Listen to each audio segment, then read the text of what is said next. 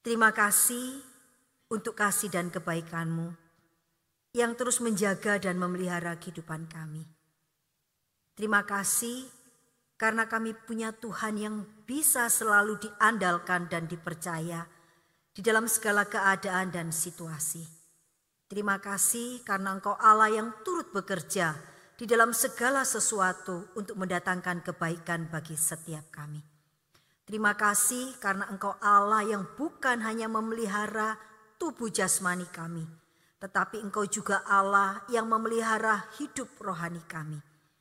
Kami bersyukur karena hari ini Allah berkenan berbicara kepada kami melalui kebenaran firman-Mu. Berbicaralah kepada kami ya Tuhan, karena kami siap mendengarkan. Urapilah hambamu yang akan menyampaikan, dan persiapkanlah setiap kami yang akan mendengarkan. Kami mohon kiranya Roh Kudus Allah sendiri yang akan berbicara kepada setiap kami melalui kebenaran firman Terima kasih Bapa di surga, hanya di dalam nama Tuhan Yesus kami berdoa dan mengucap syukur. Amin.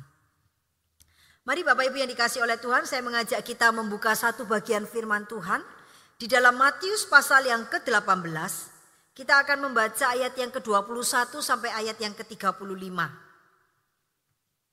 Silakan membuka Alkitabnya karena saya tidak menuliskan semua ayat di dalam slide ya. Matius pasal 18 ayat 21 sampai dengan ayat yang ke-35. Kalau sudah mendapatkan silakan Bapak Ibu memperhatikan. Saya akan membacakan perlahan-lahan untuk kita semua dari Matius pasal yang ke-18 ayat 21 sampai 35. Kemudian datanglah Petrus dan berkata kepada Yesus, Tuhan, sampai berapa kali aku harus mengampuni saudaraku jika ia berbuat dosa terhadap aku? Sampai tujuh kali? Yesus berkata kepadanya, Bukan, aku berkata kepadamu, bukan sampai tujuh kali melainkan sampai tujuh puluh kali tujuh kali. Sebab hal kerajaan surga seumpama seorang raja yang hendak mengadakan perhitungan dengan hamba-hambanya. Setelah ia mulai mengadakan perhitungan itu, dihadapkanlah kepadanya seorang yang berhutang sepuluh ribu talenta. Tetapi karena orang itu tidak mampu melunaskan hutangnya, Raja itu memerintahkan supaya ia dijual beserta anak istrinya dan segala miliknya untuk membayar hutangnya. Maka sujudlah hamba itu menyembah dia katanya. Sabarlah dahulu, segala hutangku akan kulunaskan. Lalu tergeraklah hati raja itu oleh belas kasihan akan hamba itu. Sehingga ia membebaskannya dan menghapuskan hutangnya. Tetapi ketika hamba itu keluar, ia bertemu dengan seorang hamba lain yang berhutang seratus dinar kepadanya. Ia menangkap dan mencekik kawannya itu katanya, bayar hutangmu. Maka sujudlah kawannya itu dan memohon kepadanya. Sabarlah dahulu, hutangku itu akan kulunaskan. Tetapi ia menolak dan menyerahkan kawannya itu ke dalam penjara sampai dilunaskannya hutangnya. Melihat itu kawan-kawannya yang lain sangat sedih lalu menyampaikan segala yang terjadi kepada tuan mereka. Raja itu menyuruh memanggil orang itu dan berkata kepadanya, Hai hamba yang jahat, seluruh hutangmu telah kuhapuskan karena engkau memohonnya kepadaku. Bukankah engkau pun harus mengasihani kawanmu seperti aku telah mengasihani engkau? Maka marahlah tuannya itu dan menyerahkannya kepada Algojo-Algojo sampai ia melunaskan seluruh hutangnya. Maka Bapakku yang di surga akan berbuat demikian juga kepada kamu. Apabila kamu masing-masing tidak mengampuni saudaramu dengan segenap hatimu. Demikian pembacaan firman Tuhan pada pagi hari ini.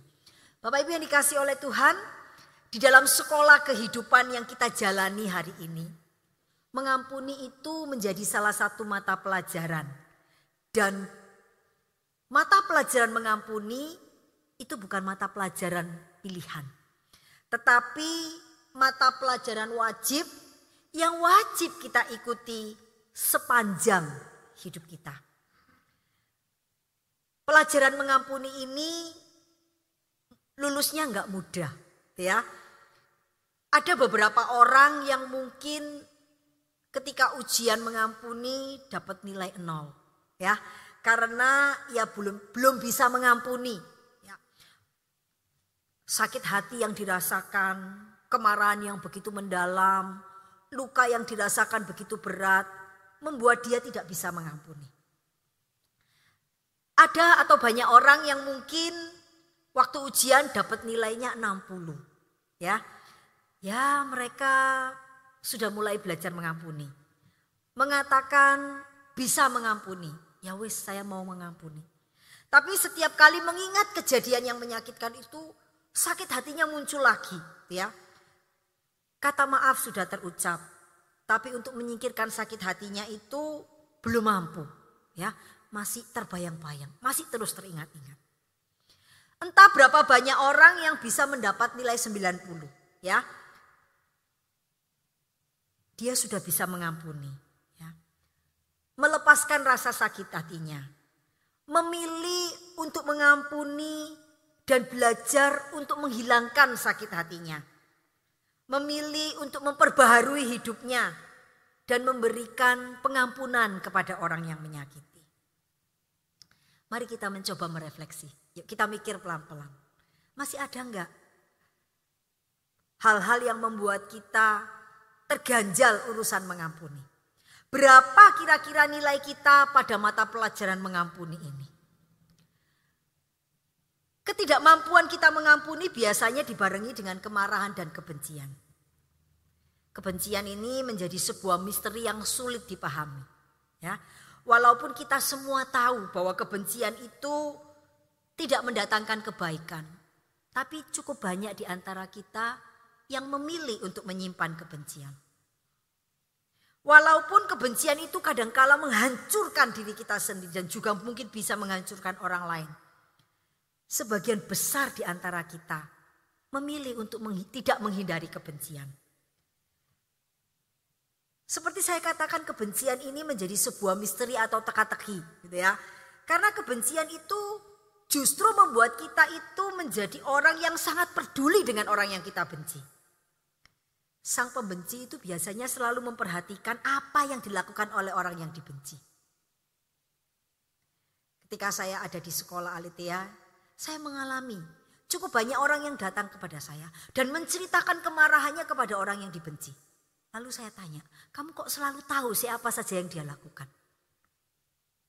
Ya soalnya saya jengkel bu, jadi dia lakukan apa saja itu saya perhatikan. Dan itu membuat dia menjadi semakin jengkel dan benci. Tapi anehnya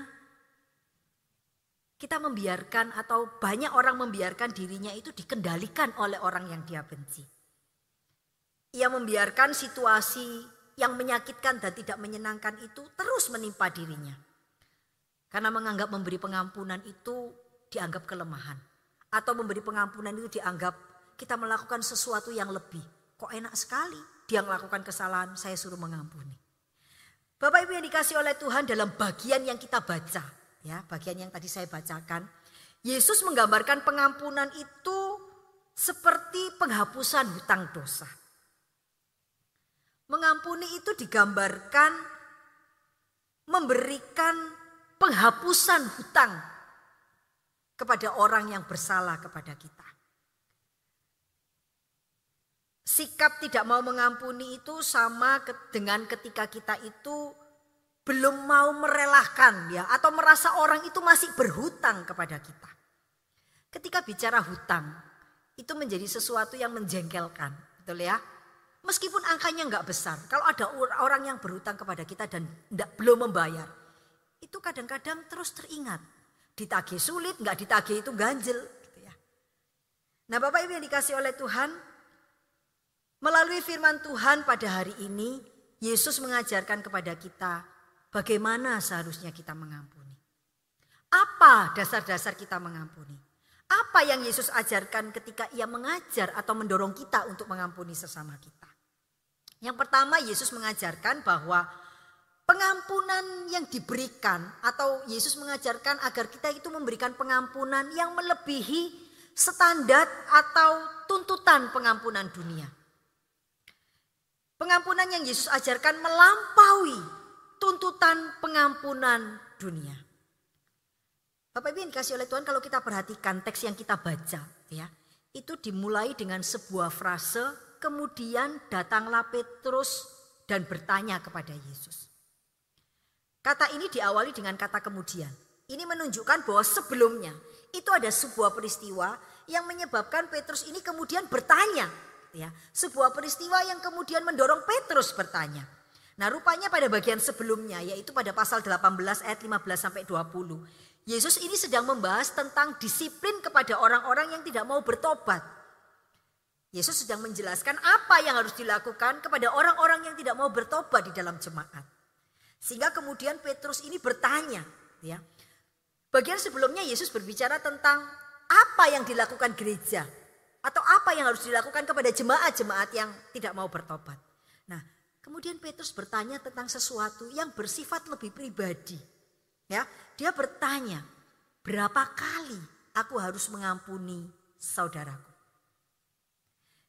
Petrus ingin memastikan apa yang harus saya lakukan ketika ada saudara yang menyakiti aku. Nah, kata yang digunakan oleh Petrus adalah kata saudara, adelpos ini adalah sebuah pertanyaan yang sangat relevan termasuk untuk kita hari ini. Seringkali orang yang menyakiti kita atau melakukan sesuatu yang salah kepada kita itu bukan orang-orang yang jauh dari kita. Mungkin saudara seiman kita, mungkin saudara kita secara biologis, atau mungkin e, orang tua kita, ayah kita, ibu kita, bisa juga e, anak-anak kita, atau menantu kita, atau saudara ipar kita, Orang-orang yang dekat dengan kita. Kalau orang itu tidak kita kenal, jauh dari kita, itu ngampuninya lebih gampang. Betul ya? Kalau Anda misalnya jengkel dengan tukang parkir, ditarik lebih, ngomel-ngomel begitu ya. Sudah dibayar, kita pergi, udah ndak ingat gitu ya. Nggak mungkin kita kalau balik lagi, mana tukang parkir yang dulu bayar minta aku lebih mahal. Kita nggak nggak nggak kepikir kayak gitu, betul ya. Tetapi berbeda dengan orang-orang yang dekat dengan kita. Seringkali kesalahan yang dilakukan oleh orang-orang yang dekat dengan kita itu justru lebih sulit untuk kita itu bisa mengampuni. Kita merasa bahwa orang-orang yang dekat dengan kita itu harusnya mengerti kita. Kita punya tuntutan-tuntutan yang lebih kepada orang-orang di sekitar kita untuk lebih memahami kita. Sehingga ketika mereka itu melakukan sesuatu yang menyakiti kita, lukanya itu terasa begitu dalam.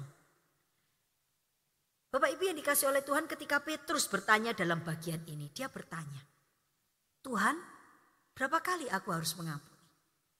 Dan kemudian Petrus menjawab pertanyaan itu dengan kata tujuh kali. Ternyata Yesus menjawab dengan jawaban yang di luar ekspektasinya Petrus. Yesus berkata tujuh puluh kali tujuh kali. Yesus sedang mengajar atau memberitahu kepada Petrus bahwa pengampunan yang harus diberikan oleh anak-anak Tuhan itu nggak boleh sama dengan standar dunia. Enggak boleh lebih dari, enggak boleh hanya sekedar lebih dari standar dunia. Tetapi harus berbeda dari apa yang di, uh, menjadi standar kebiasaan orang pada masa itu. Nah, sebetulnya ketika Petrus itu mengatakan tujuh kali, Petrus ini sebetulnya sudah menunjukkan sesuatu yang lebih baik. Ya. Karena menurut aturan Yahudi, itu ya orang itu diampuni hanya cukup tiga kali. Bisa minta tolong slide-nya? Nah, Yesus berkata 70 kali 7. Yesus sedang mengatakan sebetulnya orang percaya itu mengampuninya tanpa batas. Yesus tidak sekedar berkata, uh, Yesus ketika menjawab 70 kali 7 kali, Yesus tidak sedang berbicara tentang angka, tetapi Yesus sedang mengatakan bahwa kamu harus mengampuni tidak terbatas, gitu ya. Nah, pada masa itu tradisi Yahudi itu mengatakan bahwa pengampunan itu cukup diberikan tiga kali. Kalau sudah empat kali dia tidak pantas untuk diampuni. Gitu ya. Nah sementara Petrus itu menyebutkan sebuah angka yang jauh lebih banyak dari aturan pada masa itu. Petrus mengatakan, Yesus kalau saudaraku ini berbuat salah, kan aku harus kasih pengampunan lebih. ya Tujuh kali kah? Sebetulnya ketika Petrus bertanya, ini Petrus sudah menyiratkan sebuah standar yang lebih dibandingkan dengan standar pada umumnya saat itu. yaitu tiga kali. Tetapi Yesus mengatakan tidak. Standarmu itu hanya sedikit lebih baik dari standar dunia. Sedangkan standar yang kuberikan kepadamu adalah standar yang harus lebih baik dari dunia. Berbeda dengan standar yang diukur oleh dunia. Yesus mengajarkan bahwa pengampunan itu harus diberikan tanpa batas. Terus menerus diberikan tanpa mengenal kondisi, waktu dan tempat. Melampaui apa yang dunia toleransi. Kita mungkin protes. Kalau orang diampuni bolak-balik, enggak jadi lebih baik. Mengampuni itu tidak selalu membuat orang menjadi lebih baik. Mengampuni itu tidak mendidik. Bapak Ibu yang dikasih oleh Tuhan, pada bagian ini Yesus sedang mengajarkan dari sudut pandang kita.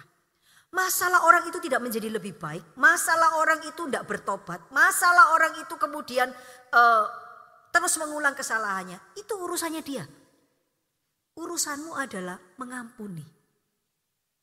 Nah Bapak Ibu yang dikasih oleh Tuhan, Yesus mengajarkan pengampunan dengan standar yang berbeda dari standar dunia. Yaitu dengan standar yang lebih tinggi. Kalau kita mengasihi orang yang mengasihi kita, apa upahmu? Ya, Yesus berkata di dalam Matius 5 ayat 46, apabila kamu mengasihi orang yang mengasihi kamu, apakah upahmu? Bukankah kamu pemungut cukai, eh, bukankah pemungut cukai juga berbuat demikian? Yesus ingin mengatakan bahwa kamu harus punya standar yang lebih. Kamu tidak boleh sama dengan standar dunia. Kebanyakan kita itu berpikirnya begini, kalau ada orang yang berbuat jahat kepada aku, aku nggak bales, itu wis baik. Betul ya? Kalau ada orang yang melakukan sesuatu yang jahat kepada kita dan kita tidak membalas, orang sering bilang, "Ih, kamu baik ya, sabar ya. Ngadepi orang model kayak gitu, kamu kok bisa sabar? Kamu kok bisa nggak bales?" Wah, bukankah kita merasa, "Oh ya, sudah lebih baik." Karena pada umumnya dunia menganggap kalau orang berbuat jahat, kamu balas yang jahat, itu pantas. Bahkan kalau perlu kamu ada orang jahat, kamu balasnya lebih jahat. Sehingga kemudian ketika kita merasa kalau ada orang jahat menyakiti saya, saya tidak balas, itu saya udah baik. Yesus bilang tidak. Yesus bilang kalau ada orang yang berbuat jahat kepada kamu, kamu nggak cuma cukup tidak berbuat jahat. Kamu harus mengasihi dia. Bapak Ibu yang dikasih oleh Tuhan di dalam Matius 5 ayat 43 dikatakan demikian. Kamu telah mendengar firman kasihlah sesamamu manusia dan bencilah musuhmu. Tetapi aku berkata kepadamu kasihilah musuhmu dan berdoalah bagi mereka yang menganiaya kamu. Yesus mengatakan bahwa ketika orang menyakiti kamu, tidak cukup hanya dengan kamu tidak membalas. Tetapi lebih daripada itu kamu harus mengasihi dia dan berdoa untuk dia. Betapa sulitnya. Betapa beratnya apa yang Allah tuntut. Tetapi Allah mengatakan bahwa ketika kamu dituntut, kamu sudah menerima. Bapak Ibu yang dikasih oleh Tuhan, satu ketika seorang pemuda datang kepada saya. Dia punya hubungan yang tidak terlalu baik dengan orang tuanya, terutama dengan mamanya. Satu ketika di dalam sebuah pembicaraan, saya ingatkan dia untuk tetap ber, eh, apa, berhubungan dengan uh, mamanya, tetap Eh, menyapa, tetap menjalin hubungan baik. Kemudian dia mengatakan begini, nggak bisa bu. Ibu nggak tahu luka atau apa yang sudah dilakukan mama saya itu sedemikian melukai saya. Nggak bisa saya suruh kembali berhubungan dengan dia. Lalu saya mengucapkan sebuah kalimat yang demikian. Kalau engkau tidak bisa mengasihi dia sebagai mamamu, kasihilah dia sebagai musuhmu. Ih, dia kaget. Uh, maksudnya bu, Ketika kamu tidak bisa mengasihi dia sebagai mamamu karena kamu menganggap sebagai mama harusnya dia begini begini harusnya mamaku begini begini tapi justru melakukan begini begini. Kalau kamu nggak bisa mengasihi dia sebagai mamamu, kasihlah dia sebagai musuhmu. Karena firman Tuhan mengatakan kasihlah musuhmu dan berdoalah bagi orang yang menganiaya kamu. Ketika Yesus menyampaikan bagian ini sebetulnya Yesus ingin mengatakan, hai orang percaya, hai orang yang sudah ditebus di dalam Kristus, hai orang yang sudah dikasih di dalam Kristus, kamu tidak punya alasan apa pun untuk membenci orang lain. Kamu tidak punya alasan apa pun untuk tidak mengasihi orang lain. Kamu tidak punya alasan apa pun untuk membenci orang yang menyakiti dan melukai kamu. Karena firman Tuhan mengatakan kasihilah musuhmu dan berdoalah bagi orang yang menganiaya kamu. Jadi Bapak Ibu yang dikasih oleh Tuhan ketika Yesus mengajar kita untuk mengampuni. Yesus mengajarkan dengan standar Allah. Kita mungkin nggak bisa langsung mencapai standar itu. Tetapi kita perlu berproses. Kita terus perlu belajar untuk mengasihi sesama kita, mengasihi musuh kita, mengasihi orang yang menyakiti kita, mengasihi orang-orang yang kita kasihi yang sudah menyakiti kita dengan standar Allah. Kita perlu proses, kita perlu belajar. Kita perlu pimpinan Roh Kudus, tetapi kita harus terus menuju ke arah itu. Mengasihi orang-orang yang menyakiti kita, mengasihi sesama kita. Mengikuti standar Allah. Kemudian yang kedua, pengampunan yang Yesus ajarkan itu didasarkan kepada pengampunan Allah. Yesus mengajarkan bahwa ketika kita mengampuni sesama kita, mengampuni orang yang menyakiti kita, dasarnya adalah pengampunan yang sudah Allah berikan kepada kita. Seringkali kalau kita itu mau mengampuni orang, itu kita punya dasar sendiri, betul ya? Kita punya standar sendiri. Saya baru mau mengampuni dia kalau dia itu berubah. Saya baru mau mengampuni dia kalau dia itu menjadi lebih baik. Saya baru mau mengampuni dia kalau dia itu minta maaf. Saya baru mau mengampuni dia kalau dia itu tidak mengulang, berjanji tidak mengulang lagi. Seringkali kita itu punya dasar sendiri untuk mengampuni orang lain. Dan sering kali dasar itu kita jadikan patokan untuk kemudian tidak mengampuni. Dia loh tidak jadi lebih baik. Dia loh tidak minta maaf. Dia loh tidak sadar kalau salah. Dia loh terus mengulang-ulang. Buat apa aku mengampuni? Nanti diulang lagi. Bukankah kita sering kali punya dasar, dasar tertentu ketika kita mau melepaskan pengampunan? Tetapi sesungguhnya dasar yang Allah ingin kita jadikan dasar untuk mengampuni adalah pengampunan Allah. Bahwa Allah sudah terlebih dahulu mengampuni kita. Itulah yang menjadi dasar kita mengampuni orang lain. Bukan karena apa yang orang lain lakukan. Bukan apakah dia menjadi lebih baik. Apakah dia berubah. Apakah dia tidak mengulang. Bukan itu dasarnya. Dasarnya adalah karena Allah sudah mengampuni kita terlebih dahulu.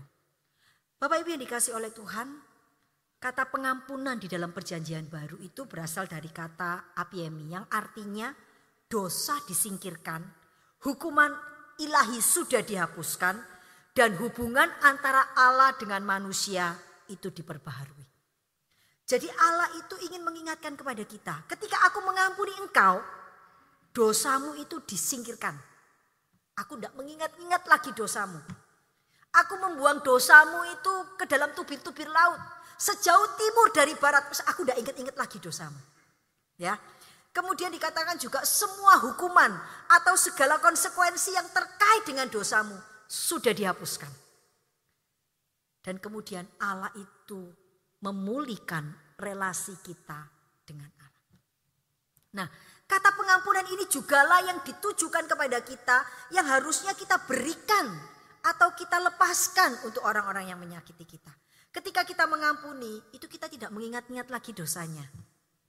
Kita tidak lagi merasa harus ada konsekuensi-konsekuensi yang harus dia lakukan. Dan kemudian memiliki relasi kembali. Nah Bapak Ibu yang dikasih oleh Tuhan, dasar kita mengampuni orang lain atau sesama kita adalah karena Allah sudah lebih dahulu mengampuni. Mari kita mencoba melihat kembali di dalam uh, bacaan yang kita baca tentang uh, perumpamaan talenta, ya.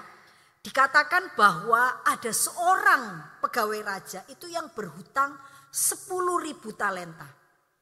Kemudian ada orang lain yang berhutang kepada pegawai raja yang berhutang 10 ribu talenta itu dengan utang 100 dinar. Kalau sepintas kita baca begitu saja, kita nggak bisa melihat ada sesuatu yang begitu penting dari perhitungan ini, ya. Nah, ketika saya membaca buku, kemudian mencoba menghitung gitu ya, mencari tahu, itu sebetulnya seberapa besar sih 10 ribu talenta itu, gitu ya. Nah, ternyata dikatakan bahwa satu talenta itu setara dengan 6 ribu dinar. Kita mungkin nggak bisa bayangkan, kita nggak pakai mata uang dinar, gitu ya. Kita nggak bisa bayangkan gitu ya. Jadi satu talenta itu nilainya 6000 dinar. Sebuah angka yang besar ya.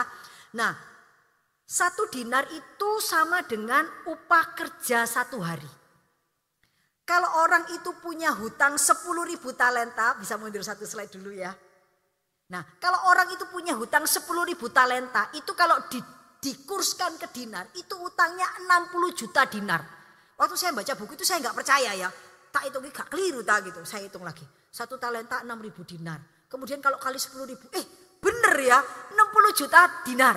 Jadi kalau orang itu uh, hutangnya 10 juta talenta itu besarnya sama dengan 60 juta dinar. Gedenya seberapa sih 60 juta dinar gitu ya. Kita lihat selanjutnya. Dikatakan satu dinar itu upah kerja orang satu hari. Jadi kalau orang itu punya hutang 60 juta dinar, dia itu butuh kerja 200 ribu tahun untuk bisa membayar hutangnya. Pertama saya juga gak percaya, masuk sih Ternyata betul ya. Saya bayangkan umur kita ini loh paling banyak 100 tahun. Lah nek suruh nyaur utang sampai 200 juta tahun itu berarti nggak bisa membayar utang kan gitu ya. Apa yang sebetulnya Yesus ingin katakan atau jelaskan ketika dia mengatakan hutang 10 ribu talenta. Sebetulnya Yesus ingin mengatakan bahwa orang yang berhutang pertama ini punya hutang yang begitu besar. Yang tidak akan pernah bisa dibayar. Bahkan dengan hidupnya pun dia tidak bisa membayar. Dan kemudian karena pegawai yang berhutang ini memohon kepada sang raja. Dikatakan bahwa dia itu bukan hanya dibebaskan dari hukuman. Karena kan kalau dia tidak bisa bayar hutang dimasukkan ke dalam penjara ya. Anak istrinya dijual dia masuk penjara. Dikatakan bahwa sang raja itu bukan hanya melepaskan dia dari penjara atau dari hukuman. Bahkan dikatakan semua apa hutangnya itu dihapuskan hukuman disingkirkan, hutangnya dihapuskan. Bukankah itu sebuah belas kasihan yang begitu besar yang dia terima? Tetapi celakanya ketika dia keluar dari ruangan raja, dia ketemu dengan seorang saudaranya yang hutangnya itu cuma 100 dinar. Coba dibandingkan ya. Kita lihat slide selanjutnya. Minta tolong ah, hutang 100 dinar dengan hutang 60 juta dinar. Itu dilihat dari sudut pandang apa pun itu tidak sebanding. Betul ya? Sehingga kalau kita dengar cerita ini kita mungkin ya ikut gemes-gemes. Keterlaluan ini ya. Mosok utang 60 juta dinar dihapuskan. Itu masih nagih-nagih utang yang 100 dinar. Ya, bahkan menagih dengan cara yang kasar digambarkan dia mencekik lehernya. Bapak Ibu yang dikasih oleh Tuhan, Ketika kita tidak mengampuni sesama kita, kita sebetulnya sedang ada dalam posisi sebagai pegawai yang punya hutang 60 juta dinar, tapi masih begitu marah kepada orang lain yang hutangnya kepada kita cuma 100 dinar. Karena itu Yesus dalam bagian ini menekankan kepada kita. Dasar kamu mengampuni itu bukan apa yang orang lain lakukan kepada kamu. Tetapi dasar engkau mengampuni adalah apa yang Allah sudah lakukan kepadamu. Hutangmu yang 60 juta dinar itu loh yang tidak akan pernah sanggup kamu bayar. Itu sudah kuhapuskan. Mengapa kamu masih begitu perhitungan kepada orang yang berhutang dengan angka yang begitu kecil kepadamu? Bapak Ibu yang dikasih oleh Tuhan, mengapa sering kali kita ini tidak bisa mengampuni orang yang bersalah kepada kita? Karena sering kali fokus kita itu menghitung kesalahan orang. Berapa kali dia sudah menyakiti saya? Berapa banyak kesalahan yang dia lakukan? Model model kesalahan yang dia lakukan itu model-model. Kita menghitung apa yang orang lain lakukan kepada kita. Kita fokus kepada apa yang orang kerjakan kepada kita. Tapi kita lupa apa yang Allah sudah berikan kepada kita. Karena itu Bapak Ibu yang dikasih oleh Tuhan, kita harus nantiasa ingat kasih dan kebaikan Tuhan. Kasih karunia yang Allah curahkan kepada kita yang sudah kita terima, itulah yang seharusnya menjadi dasar kita untuk mengampuni orang lain. Mengampuni orang lain itu lebih tentang diri kita di hadapan Allah, bukan tentang orang lain di hadapan kita. Saya ulangi sekali lagi ya. Mengampuni adalah tentang diri kita di hadapan Allah, bukan tentang orang lain di hadapan kita. Jadi dasar kita mengampuni adalah bukan apa yang orang lain lakukan kepada kita. Itu mungkin menyakiti kita. Itu mungkin mengecewakan kita. Itu mungkin melukai kita dengan begitu dalam. Tetapi ingatlah, kita sudah melakukan segala sesuatu yang jahat di hadapan Allah. Dan Allah sudah berbelas kasihan. Karena itu kepada orang yang menyakiti kita, kita juga harus berbelas kasihan. Dengan melepaskan pengampunan kepada mereka. Urusan tidak mengampuni itu bukan urusan yang sepele. Karena ketika kita tidak mengampuni orang yang menyakiti kita, itu kita seperti hamba yang tidak tahu berterima kasih. Hamba yang tidak tahu bersyukur. Hamba yang tidak mengucap syukur untuk kasih karunia yang besar yang sudah Allah berikan kepada kita. Tidak mengampuni itu membuktikan bahwa kita belum mengalami kasih dan pengampunan Allah yang sejati. Jika kita sudah mengalami kasih dan pengampunan Allah yang sejati, seharusnya tidak sulit bagi kita untuk bisa mengampuni orang lain. Kemudian alasan yang ketiga atau pengajaran yang ketiga. Pengampunan yang Yesus ajarkan itu terkait dengan relasi yang dipulihkan. Pengampunan yang Yesus ajarkan itu terkait dengan relasi yang dipulihkan. Bapak Ibu yang dikasih oleh Tuhan, ketika Injil mengatakan tentang pengampunan, Yesus juga menekankan bahwa pengampunan yang diberikan itu juga terkait dengan relasi yang dipulihkan. Yesus mengajarkan bahwa tindakan mengampuni itu harus diikuti juga dengan pemulihan hubungan. Pengampunan yang diberikan itu harus diikuti dengan pemulihan hubungan. Yang sering terjadi itu kan kita mengatakan saya sudah mengampuni. Tapi saya nggak mau nek suruh deket-deket dia lagi. Nanti dia nyakiti aku lagi. Kita sering mengatakan, saya akan mengampuni dia. Tapi saya membatasi relasi. Saya mengampuni dia. Sudah berkali-kali cukup. Jadi kali ini tak ampuni, ini yang terakhir. Tapi saya nggak mau hubungan dengan dia lagi. Bapak Ibu yang dikasih oleh Tuhan, coba bayangkan seandainya Allah itu ngomong gitu. Dosamu akeh, berulang kali, saben minggu minta ampun. Ya wes tak ampuni, kali ini tak ampuni. Tapi sorry ya, aku tidak mau lagi berhubungan denganmu. Cilaka kita, betul enggak ya? Bapak Ibu yang dikasih oleh Tuhan, ketika Yesus itu mati di atas kayu salib, mengorbankan dirinya. Ada banyak aspek yang sedang Yesus lakukan. Melalui kematiannya di atas kayu salib, ia ingin menyelamatkan kita dari hukuman. Dia menghapus dosa kita. Tetapi jangan lupa ada sebuah perkara yang sangat penting ketika ia mati di atas kayu salib. Yaitu memperbaiki relasi manusia dengan Allah. Karena itu ketika Yesus mati di atas kayu salib ada salah satu peristiwa yaitu tirai balik Allah itu terbelah dari atas ke bawah. Ini menunjukkan bahwa Allah ingin agar manusia itu bisa datang kepadanya. Tidak ada lagi dosa yang menjadi penghalang. Karena dosa itu sudah ditanggungkan di atas salib Kristus, manusia bisa kembali berelasi dengan Allah. Ketika manusia jatuh di dalam dosa, hal yang pertama rusak itu adalah relasi. Ketika manusia jatuh di dalam dosa, dia bersembunyi dari Allah. Dia takut berjumpa dengan Allah. Allah juga tidak dapat bersekutu, tidak dapat berelasi dengan manusia karena dosa. Dan salah satu hal yang ingin diperbaiki, dipulihkan oleh Allah adalah relasi. Karena itu Yesus mati di atas kayu salib. Jadi Bapak Ibu, kalau kita ini mengaku orang yang sudah diselamatkan, sudah ditebus oleh Kristus, tapi kita nggak pernah peduli dengan relasi kita dengan Allah. Kita itu belum mengerjakan keselamatan kita dengan baik. Apa yang dikerjakan Allah itu sudah sempurna. Penebusannya kepada kita itu sudah total, sudah lengkap, sudah beres.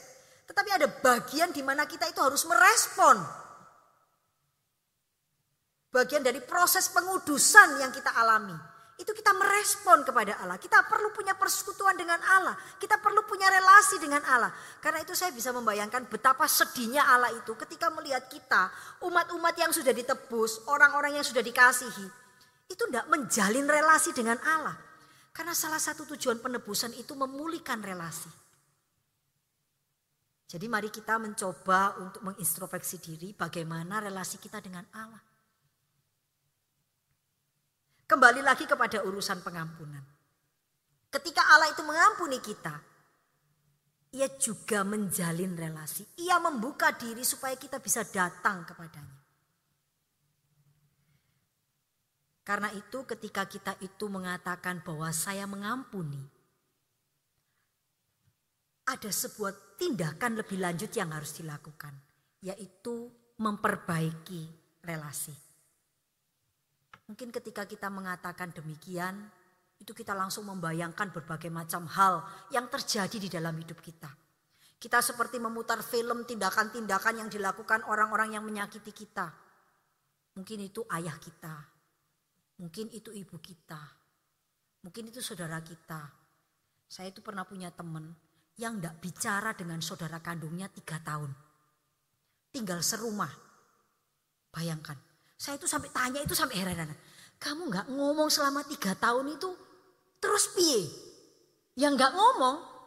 Kalau butuh apa-apa, ya nggak pernah ngomong. Kalau butuh ya aku berusaha nggak nggak nggak berhubungan. Kalau bisa aku cari orang lain. Tiga tahun bayangkan serumah. Nggak ngomong tiga tahun itu saya nggak bisa bayangkan. Terus kalau kamu tok gini ya apa? Ya diem aja. Kalau aku jalan, aku lihat dia jalan, aku minggir. Kalau terpaksa aku keluar dari kamar mandi dia jalan gini, tak gini ya, ya sudah. Tidak ngomong apa-apa. Saya tidak bisa bayangkan gitu ya. Tiga tahun tidak ngomong dengan saudaranya. Tinggal serumah. Jangan-jangan ada di antara kita yang begitu ya. Tinggal serumah, nggak pernah ngomong. Mungkin dengan mamanya, dengan papanya gitu ya. Dengan saudara iparnya gitu ya. Dengan pembantunya, oh enggak ya. Kalau dengan pembantu rasanya nggak pernah ya. Karena kalau enggak kita nggak bisa nyuruh pembantu kita gitu ya. Aku gondok mbek pembantu gak tak sopo dua bulan. Oh, seneng pembantu ini ya di rumah kipas-kipas gitu ya. Tapi dengan saudara kita kita bisa lakukan itu. Enggak ngomong, enggak nyapa. Enggak punya relasi. Nah Bapak Ibu yang dikasih oleh Tuhan. Kita mungkin mengatakan, aku enggak bisa disuruh ngomong. Setiap kali aku lihat mukanya itu aku teringat perilakunya yang menjengkelkan. Kita katakan begitu. Aku enggak bisa disuruh baik-baik sama dia. Setiap kali aku melihat mukanya itu aku melihat perilaku-perilakunya yang menyakiti hatiku. Sakitnya itu enggak cuma di dalam hati loh. Sampai ke tulang sumsum, -sum, mengalir ke seluruh aliran darah. Jadi enggak bisa, enggak bisa dilupakan kecuali cuci darah mungkin begitu ya. Bapak Ibu yang dikasih oleh Tuhan, kita selalu mengatakan, aku enggak bisa melupakan. Mengampuni memang bukan melupakan ya. Kadang mengampuni uh, kesalahan yang dilakukan oleh orang itu mungkin begitu menyakiti kita sehingga nggak mudah dilupakan. Mengampuni itu juga bukan mengabaikan ya. Karena kadang-kadang rasa sakit itu muncul dan kita nggak bisa mengajukan. Mengampuni juga bukan sekedar membiarkan. Mengampuni itu juga bukan menghindari. Tetapi mengampuni itu berarti mengasihi. Duh, si Angeli. Ingat aja jengkel suruh mengasihi gimana? Ingat aja langsung rasanya hatinya ini berdengup-dengup. Suruh mengasihi bagaimana? Tetapi Bapak Ibu yang dikasih oleh Tuhan, inilah yang Allah minta untuk kita lakukan.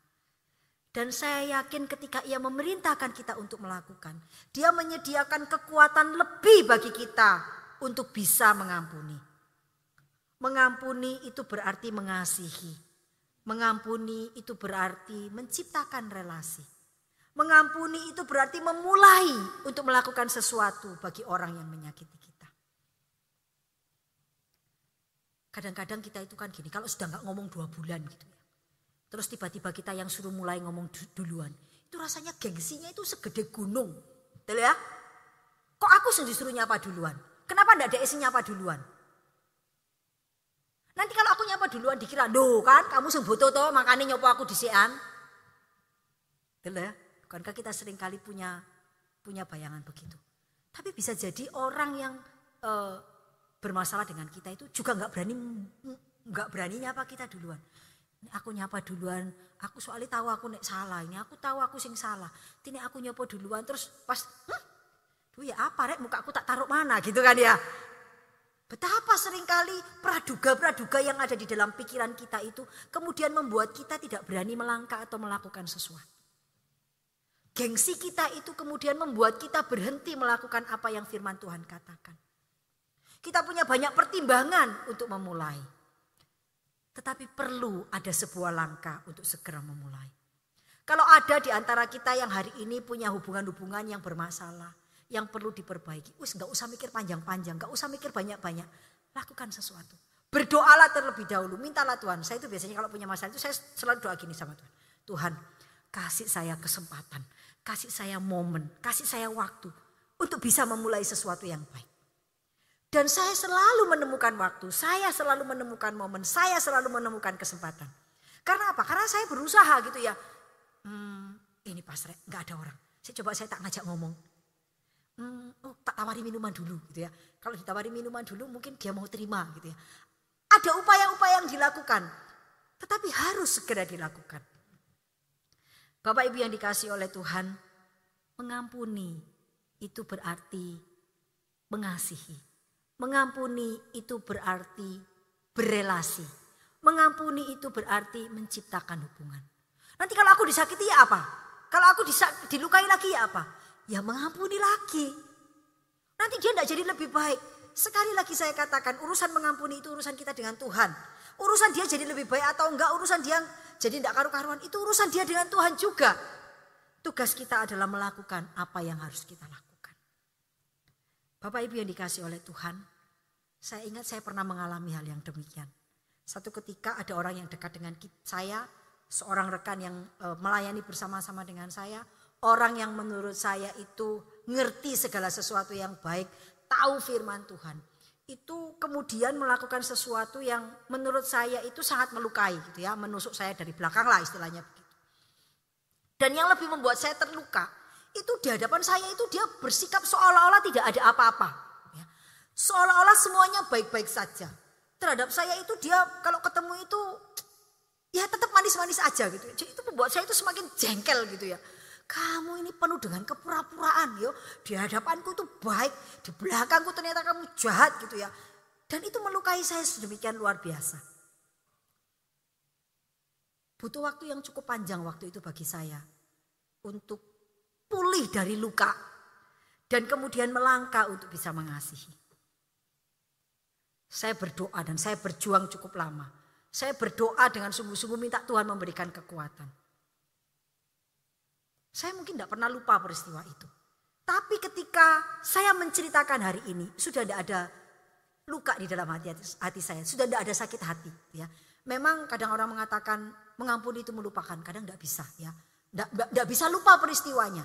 Tetapi peristiwa itu sudah tidak menyakiti kita lagi. Coba tes case ya. Ada tidak peristiwa-peristiwa yang begitu melukai Anda? Sekarang kalau Anda mikir, gitu ya dulu ya. Tapi saya baik-baik saja kok. Nah Bapak Ibu yang dikasih oleh Tuhan, mengampuni itu butuh perjuangan. Mengampuni itu butuh waktu. Mengampuni itu butuh energi.